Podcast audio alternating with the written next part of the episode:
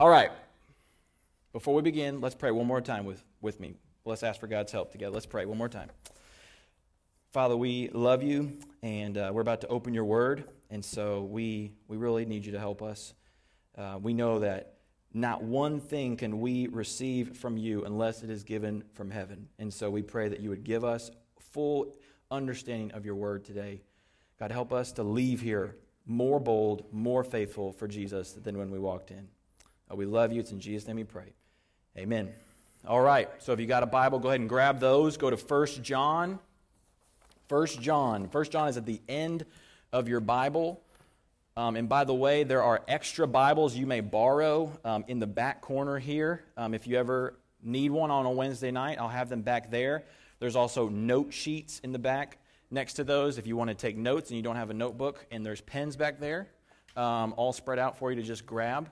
Um, if you do not own a Bible, um, those Bibles in the back are for you to keep. Okay, that's a gift from us to you. So if you don't even like the current Bible that you have, you may take one of those and keep it, okay?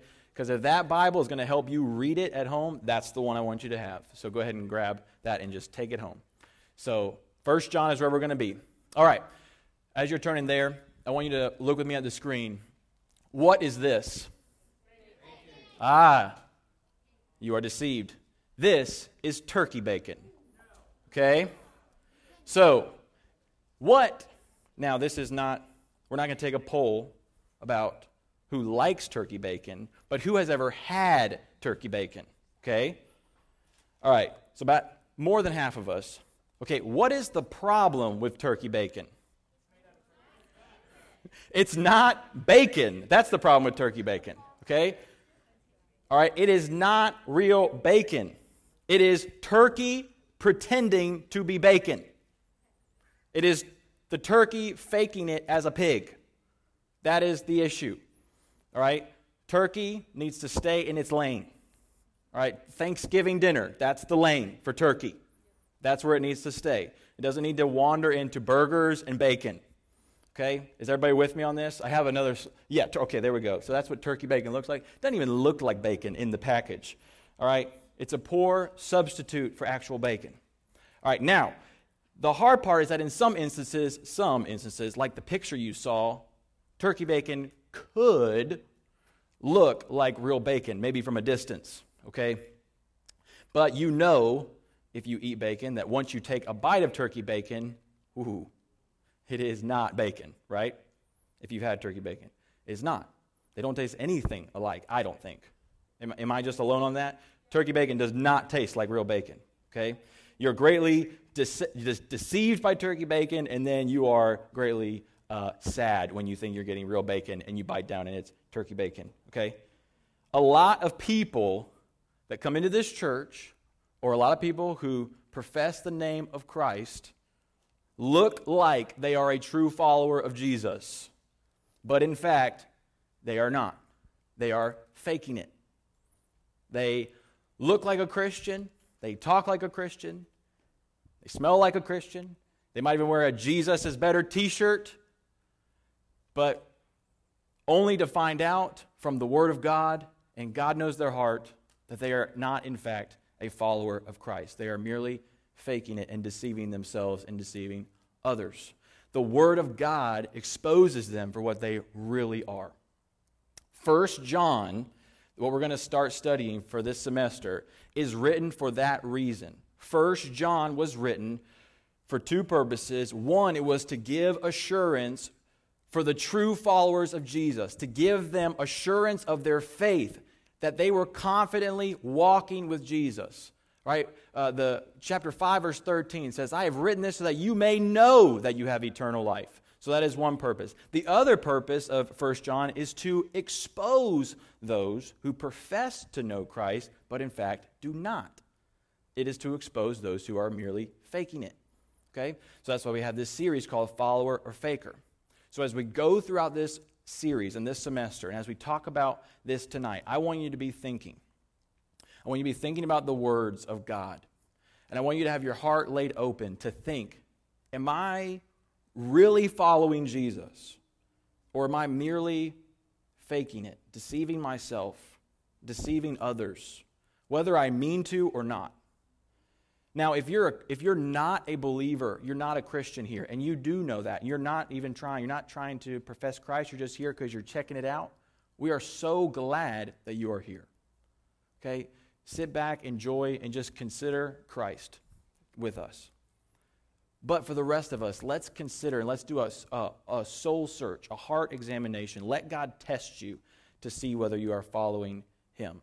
And for those that you're like, man, I know I'm a follower of Jesus. I'm confident in Christ, confident in what He has done to save me of my sin. I love, uh, I love following Him, obeying Him. I love the church. I love um, the people of God.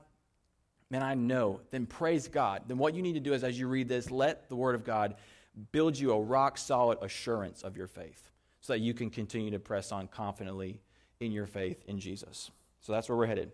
All right? So, the question of who do you say Jesus is? That might be the most important question that you could ask, that someone could ask you. Because the answer to that question determines whether you are following Jesus or you're faking it. All right, literally, eternity hangs in the balance with how you answer the question, Who do you say Jesus is? Which is what Jesus asked his disciples, okay, in Matthew 16. In John, this book in First John is, is answering that question for us. Okay? So let's be mindful of that. So, um, the main truth, we're going to open up in chapter 1, verse 1, 1 to 4. The main truth that we are going to study tonight is this Followers of Jesus know Christ and make him known. Okay? That is the single truth tonight. Followers of Jesus, true followers, know Christ and make him known. All right, so let's read our text together chapter 1, verse 1. Follow along with me on the screen or in your Bibles. That which was from the beginning, which we have heard, which we have seen with our eyes, which we have looked upon, and touched with our hands concerning the word of life. The life was made manifest, and we have seen it, and we testify to it, and proclaim to you the eternal life that was with the Father and was made manifest to us. That which we have seen and heard, we proclaim also to you, so that you too may have fellowship with us. And indeed, our fellowship is with the Father and with his Son, Jesus Christ. And we are writing these things so that our joy may be complete. All right, so from, from verse 1 and verse 2, we get point number one, which is followers of Jesus know Christ. Okay, very simple. Followers of Jesus know Christ. Now, you might think that seems a little bit too obvious. Obviously, followers of Jesus know Christ. Okay, but because it's obvious, that is the point. We know Christ as followers of Jesus, but we need to know what that means. What does it mean knowing Christ? Because a lot of people think they know Christ, but they have a wrong view of Jesus. They don't actually have the same knowledge of Jesus that the Bible says who he, uh, that the Bible describes him to be. Right? They don't believe that Jesus is who he says he is, but maybe a fabrication of their own mind. So we need to know Christ, the real Christ, as he truly is. So let's take a look in verse 1. You see this phrase, that which was from the beginning. All right, so the first thing we need to know right off the bat about who Jesus is is that he is fully God. You need to know that Jesus is fully God. Okay, when it says that which is from the beginning, and it also at the end of verse 1 calls him the word of life, at the end of verse 2, it calls him the eternal life that was with the Father. Okay, so it is saying that Jesus has always been. He's always been, just like God has always been. The Son of God has always existed from eternity past to eternity future the Son never had a birthday. Are you with me? Okay, the Son never had a birthday. You say, well, Mark, what is December 25th? Okay, Christmas is not the Son of God's birthday. Uh, just so we're clear, that is the day that we celebrate when Jesus became flesh. It's when the Son became flesh and dwelt among us. When the Son of God, who is eternal, actually wrapped himself in humanity.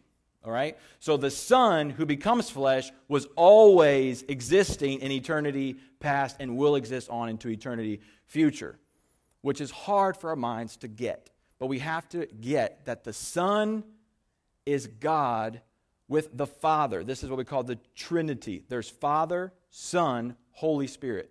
Three persons in the one God. Many of you studied that about a week and a half ago in your Connect groups. Okay, so the Son is fully God. What does it mean then for the Son, who is eternal, to be fully God? What does it mean for us? Okay, because Colossians 1:15 says that Jesus is the image of the invisible God. All right, so what does it look like? What are some of the attributes of Jesus as God? Number one, it means that he's creator. Okay? Jesus is creator. Colossians 1:16 says that by Jesus all things were created. That's pretty clear. Right? Doesn't get any clearer than that. John 1, the regular John, not first John, but John 1 verse 3 says the same thing that there was not anything made in creation that Jesus did not make. So Jesus is not the first created being by God the Father, and then through Jesus, he created everything else. That is not true. Okay? That is what some false uh, religions believe, like Jehovah's Witness, for instance, would say that Jesus was created and then he created everything else. It's not true because the Son is God. Right? He is creator. Are we tracking? Okay? So the Son is God, He is creator. That means He created the moon, He created the stars, He created you, He created the blood coursing through your veins. Everything is at the hand of our Savior, Jesus. Okay? So He's creator. He's also sovereign because He's God. That means that He is in control of all things. It means that He's aware, not only does he know all things, but he's actually in control of all things and actually moving everything towards his purpose. He is sovereign. Okay, he's also holy. That means that he's not like you and he's not like me in one sense as the eternal God. Okay?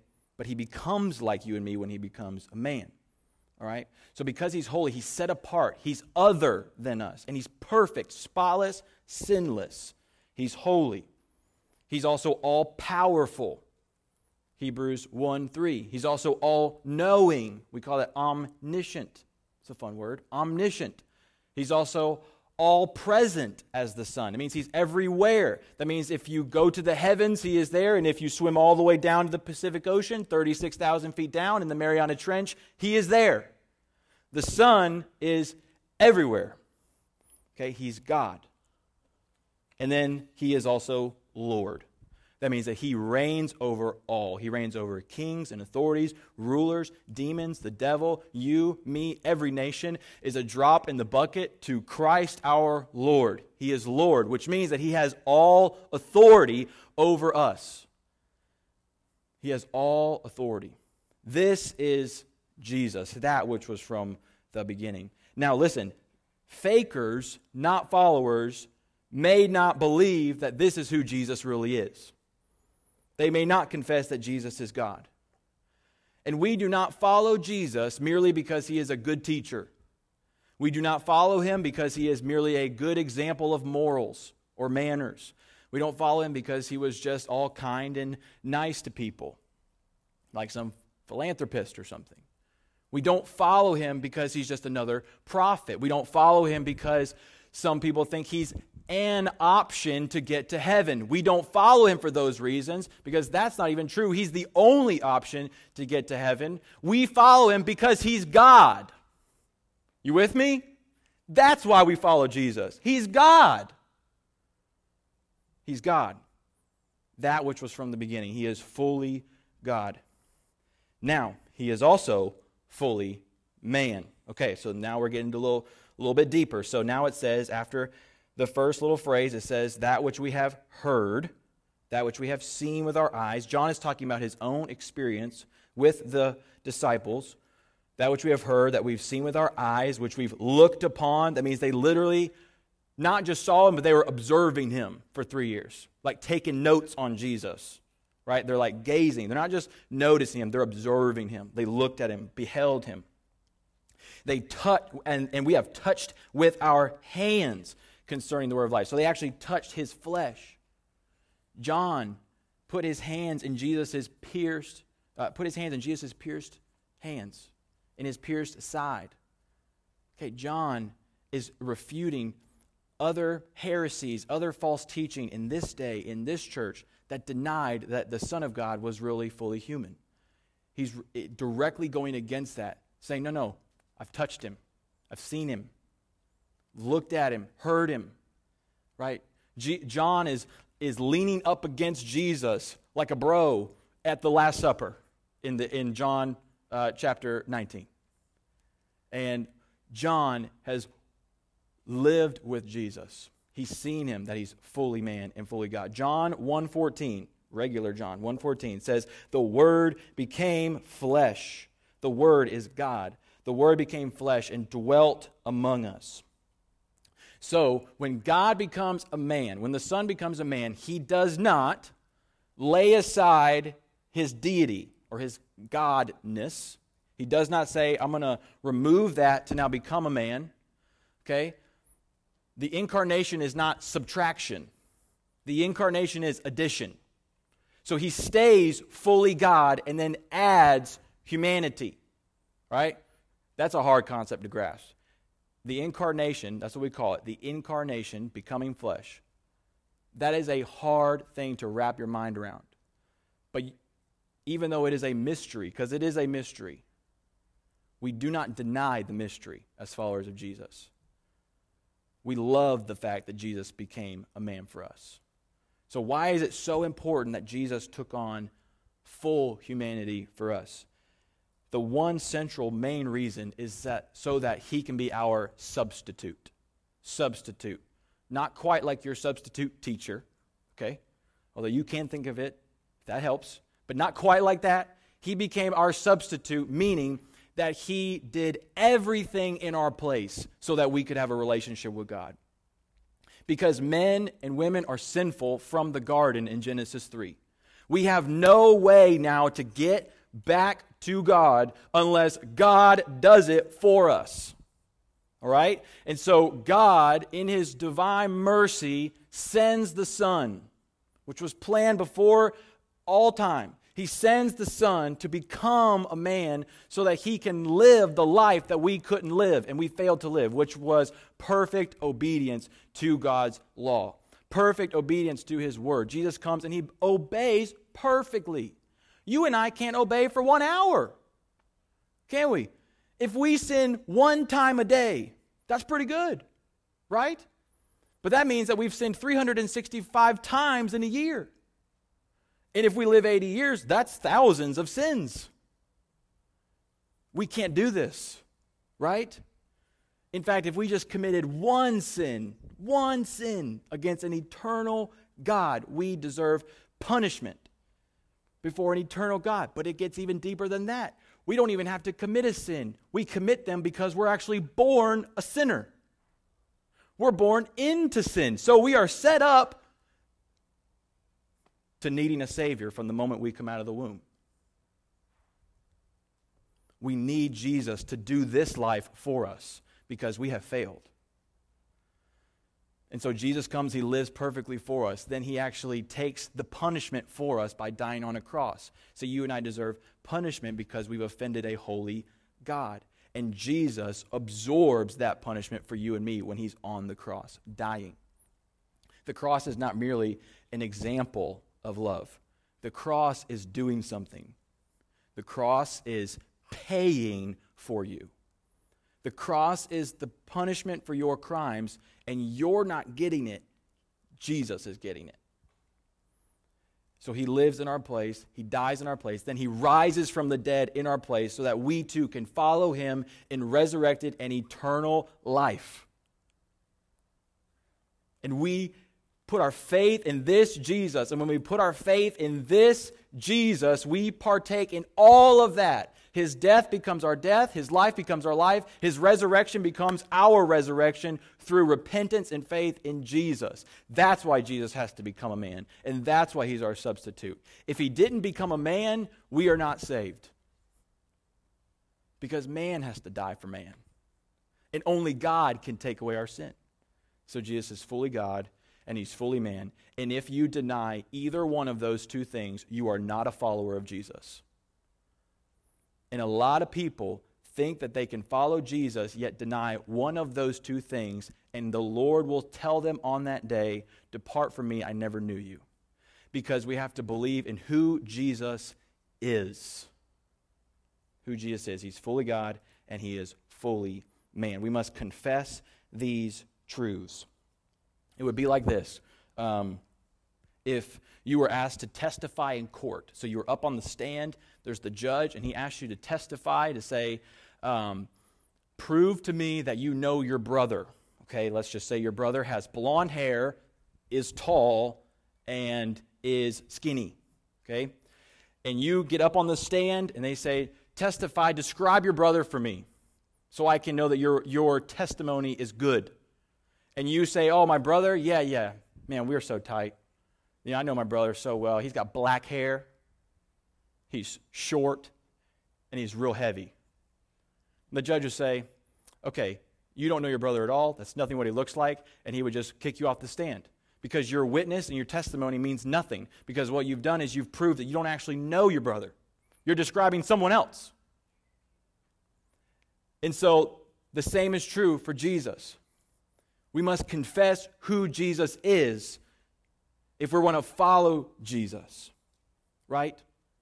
We need to stand on these truths. Because look, look at me, students, right here. Look at me.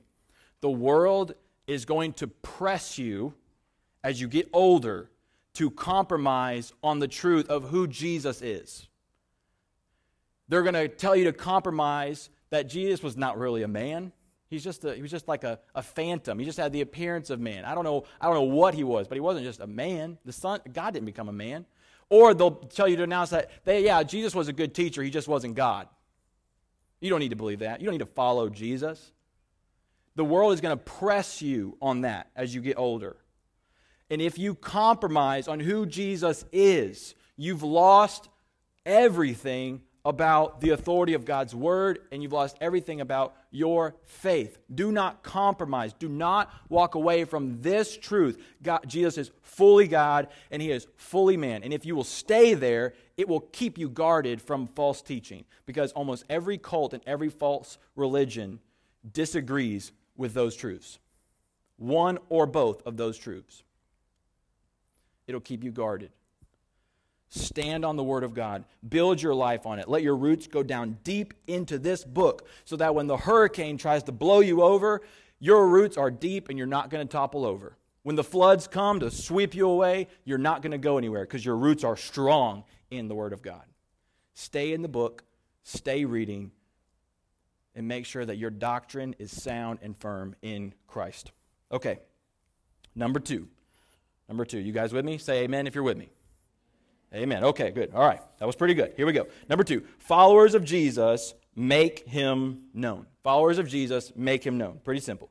All right, so verse 3 says, We proclaim also to you. See it right there, uh, a little bit into verse 3. That which we've seen and heard, we proclaim also to you. So, if we know this Christ for who he really is, we must proclaim him as he is. Okay, why do we proclaim him? If we are true followers of Jesus, why do we tell others? One, we tell others about Jesus, one, because we're commanded to tell others. If we believe that Jesus is Lord and he's God, then God has told us, go and make disciples of all nations, Matthew 28.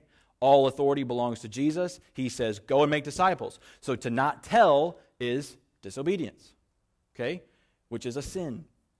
And so we, we go because Jesus is our Lord and we obey him because we obey him not begrudgingly, but because that is for our joy. There is joy in obedience to Jesus. That's where joy is found, not in other places, in obedience to Jesus. So we tell people for our joy, for God's glory, in obedience to our King. Then we also tell because we're compelled to tell, meaning we want to tell others. So in uh, verse uh, 3 here, it says, We proclaim also to you so that you too may have fellowship with us. And indeed, our fellowship is with the Father and with his Son, Jesus Christ. So John is saying, We want you to have the same fellowship with us that we have with God. We want you to have a relationship with God, the same one that we have. We want you to have it with us. And so, if you are a believer and you have experienced the gospel, you've tasted and seen Jesus, you know how he has saved you, you love him, how can you not go and tell someone else about him? How can you not at least have the desire to tell someone about him? Right? Because we'll talk about struggling with that in just a minute. But we should want to tell others, and we should want others to follow Jesus.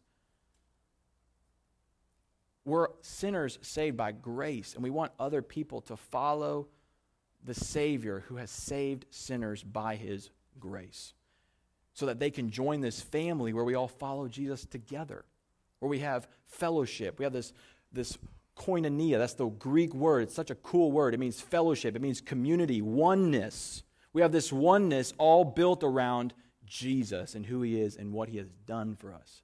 We want people to be a part of that family because we know the joy and the forgiveness and the peace that comes with knowing Jesus. 2 Corinthians 5:14 says for the love of Christ controls us. So when you become a Christian, the evangelism, sharing your faith, evangelism becomes a desire that you get because your heart is new.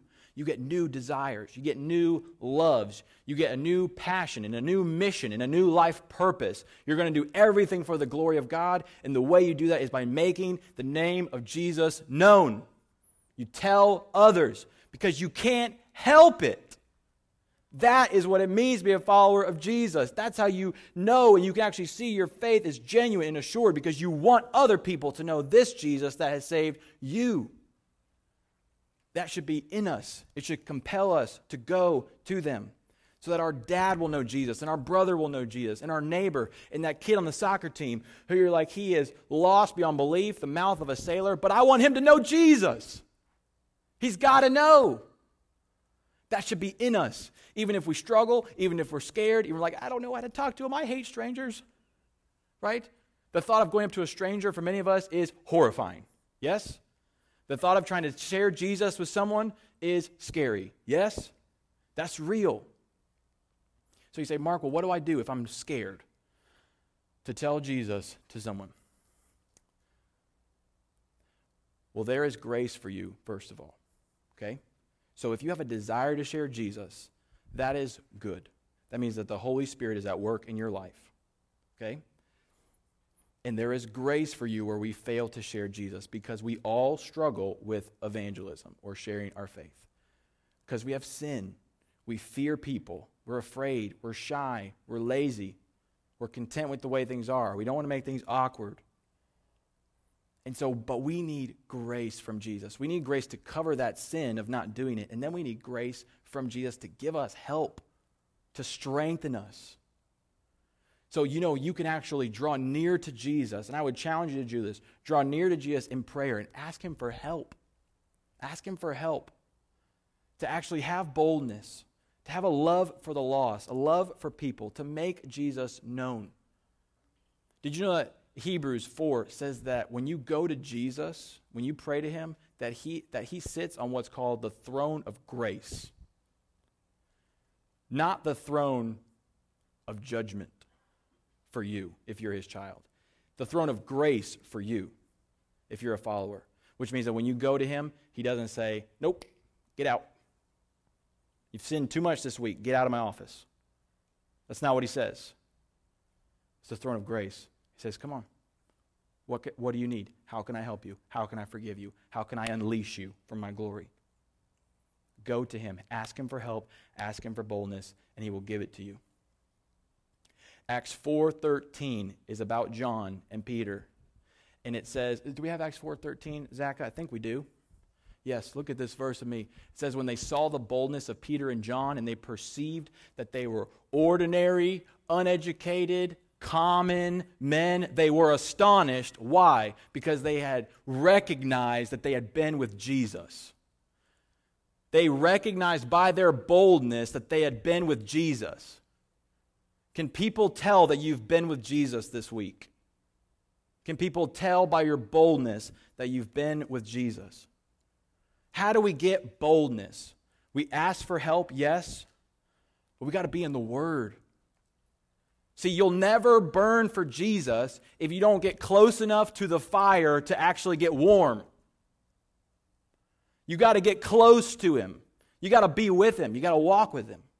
Like a friend, walk with him, constantly talking to him, reading him, thinking about the word of God. Get close to him, always running back to him when you fall short. And this is what fuels your heart for Jesus, your love for Jesus, and then you'll just spill over by making him known. This is what we're called to do. And fakers, those who do not know Jesus, but might say they do, they don't have a desire to share Jesus with others. They want to keep their faith private. They want to, as Jesus said, they want to hide their faith under a basket and not put the lamp on the table for all to see in the room.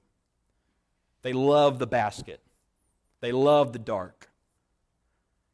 They just want to add Jesus so that they can get into heaven, but they don't have any desire to share Jesus with their friends and make things awkward. I'm not saying they don't struggle with sharing but have a desire. I'm saying they don't, they don't care about that. That's not on their radar. And it might be evidence that they don't actually know the Jesus that they profess. We need to be mindful of this. We need to draw near to Jesus in faith and ask Him for help. See, sharing our faith is not something that super Christians do, teenagers. Did you know that the first time, sixth graders over here, look at me, the first time I remember sharing the gospel was in sixth grade. It was in band class. His name was Sammy. We were playing in the band room. Like literally, we were in class. And I was trying to share the gospel in between when we were supposed to play. I'm not sure if it was good. I stumbled the whole time, felt like an idiot. I don't even know if he's really following Jesus today. But I gave it my best attempt. It was in sixth grade. I was 11. You can do this. You can do this. Oh, I'm not special. Jesus was my helper. It's the Spirit of God who helps you, whether you're 11 or you're 85.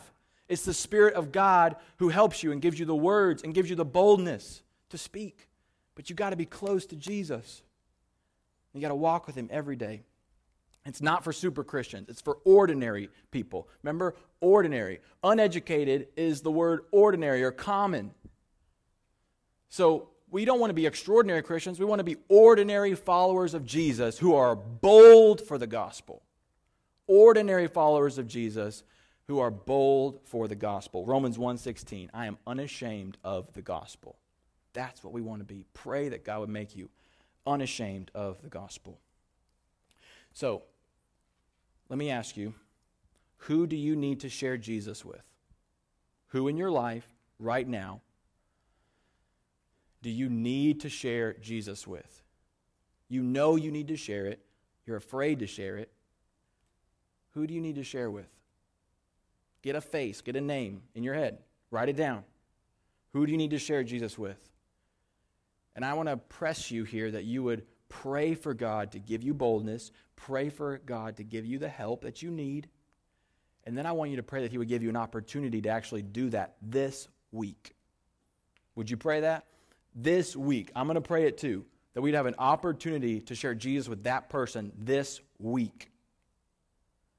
And that we would seize the opportunity and just go for it. There's no easy way to get into a conversation. Sometimes you got to lay it out there. You just got to lay it out there. You're talking with them. Maybe you meet a need. You say, you know, man, I've never, I've never shared this before, but you know, I'm a follower of Jesus, and I just want to tell you what Jesus has done in my life. Can I? Would you care if I share that with you for three minutes? And just share who Jesus is and what He's done. That's it. And let the gospel do the work. Let the gospel be the power. You don't have to convince them. It's not up to you to get them saved. That's the Holy Spirit's job. You present the message, and the Spirit saves them. Would you do that this week? All right, let's wrap this up. So ask yourself Am I a true follower of Jesus based on the Word of God today? Or am I merely deceiving myself and maybe I'm faking it? Maybe I don't know Jesus at all. Do you know Christ? Do you know the true Christ? fully God, fully man. Salvation is Him alone. Do you have a desire to make Him known? Ask yourselves these questions. And if tonight you say, I think I'm faking it, if I was honest, if that is you, you don't have to be faking it when you leave the room. You can put your faith in Jesus tonight before you leave. If you feel the Holy Spirit stirring, don't ignore the stirring. Cry out to Jesus to save you from your sin and begin following Him in a relationship. It's nothing magical, it's faith that God gives you and puts in your heart. And you say, I believe. Jesus, I'm going to follow you. You turn from living for your sin and you turn now to a life of following Jesus. We call it repentance. Turn from sin and turn to Jesus. And if that's you, you can do that tonight. In just a second, we're going to respond. We're going to stay in our seats. In the quietness of your heart, you can believe and cry out to Jesus to save you. You believe that He's fully God, fully man, lived in your place, died for you, forgives you, and you just surrender your life to Him. And you can leave this room walking out of darkness and into light.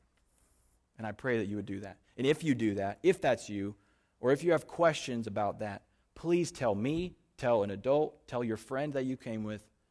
Please tell someone. Nothing could be more vital than that. And then for all of us here, following Jesus, if you've heard this and you're like, praise the Lord, I know I'm a follower of Jesus, then praise God. Keep running, keep going. May this just fuel you. May it give you a confidence that you are following Jesus, and it's only by the help and the grace of Jesus that you're still following him. And maybe you just sit in quiet and you just pray and thank him. And maybe you ask for more boldness and more boldness and more hunger to know him and know him and know him. Let's do that together. Let's be ordinary followers of Jesus who are bold for the gospel. Let's pray together, and we're going to sing one last song. Pray with me. Father, thank you for your love. God, thank you for grace. And we thank you for Jesus. God, we are, we are enamored by who Jesus is fully God and fully man. We can't wrap our minds around it, but we believe it with all our hearts. And I pray for those that are struggling to follow Jesus in the room. Maybe they're a Christian just struggling to be obedient. Would you help them and speak to them and help them confess their sin lay that down at your feet, the throne of grace, and give them grace and forgiveness. God, if there's people in the room that don't know Jesus and are faking it, please, God, bring them out of darkness into light. God, give them faith. Let them believe and let them follow Jesus as they leave this room. God, we love you. We are fully yours. Unleash us this week for your glory to make Christ known. We pray all these things in Jesus' name.